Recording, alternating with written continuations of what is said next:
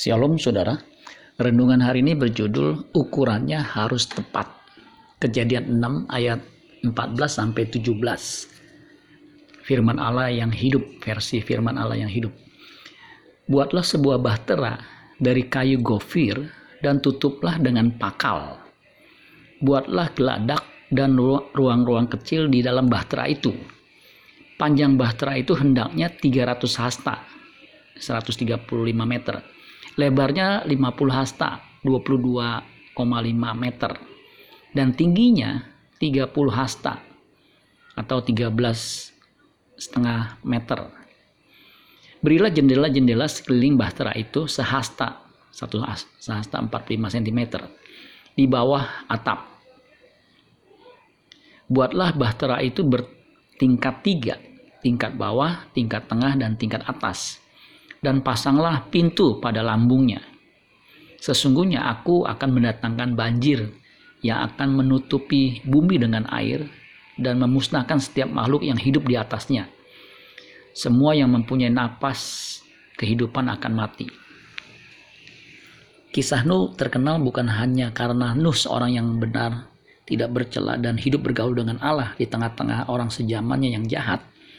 Tetapi Nuh taat ketika Allah memerintahkan dia membangun bahtera di lokasi yang jauh dari pantai.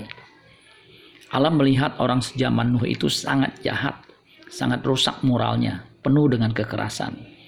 Itulah sebabnya Allah hendak memusnahkan mereka dan menyelamatkan Nuh dengan bahtera yang dia dirikan.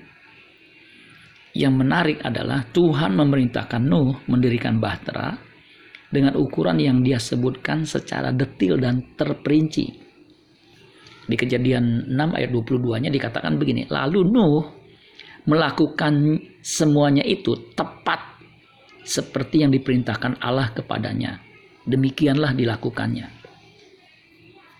Apa yang membuat Nuh melakukan perintah Tuhan persis atau dengan sangat tepat? Ada satu komentar penulis surat Ibrani, Ibrani 11 ayat 7 dikatakan begini. Karena iman, maka Nuh dengan petunjuk Allah tentang sesuatu yang belum di, belum kelihatan dengan taat mempersiapkan bahtera untuk menyelamatkan keluarganya. Dan karena iman itu ia menghukum dunia dan ia ditentukan untuk menerima kebenaran sesuai dengan imannya. Pelajaran yang dapat kita petik dari kisah Nuh bagi umat perjanjian baru adalah iman dan ketaatan tidak pernah berkurang standarnya ketika kita percaya kepada Tuhan Yesus, maka kita harus menjadikan Tuhan Yesus sebagai ukuran atau standar hidup yang kita harus jalani. Kita harus hidup sebagaimana Kristus telah hidup. Karena Kristus adalah standar manusia yang hidupnya berkenan kepada Allah. Amin buat firman Tuhan. Tuhan Yesus memberkati. Sola.